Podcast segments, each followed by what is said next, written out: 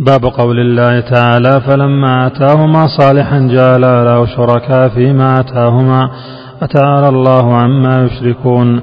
قال ابن حزم اتفقوا على تحريم كل اسم معبد لغير الله كعبد عمرو وعبد الكعبة وما أشبه ذلك حاشا عبد المطلب.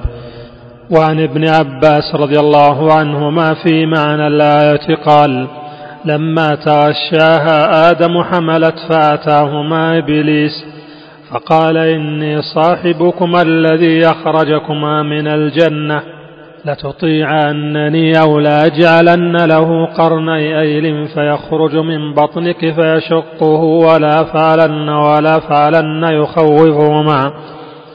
سمياه عبد الحارث فأبيا أن يطيعه فخرج ميتا ثم حملت فآتاهما أيضا فقال مثل قوله فأبيا أن يطيعاه فخرج ميتا ثم حملت فآتاهما فذكر لهما فأدركهما حب الولد فسمياه عبد الحارث فذلك قوله جعلا له شركاء فيما آتاهما رواه ابن أبي حاتم وله بسند صحيح عن قتادة قال شركاء في طاعته ولم يكن في عبادته.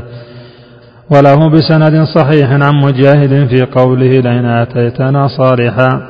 قال أشفق أن لا يكون إنسانا.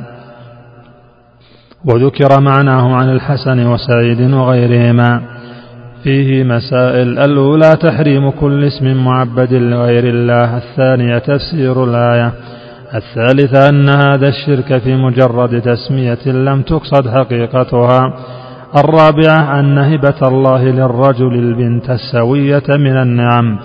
الخامسة ذكر السلف الفرق بين الشرك في الطاعة والشرك في العبادة.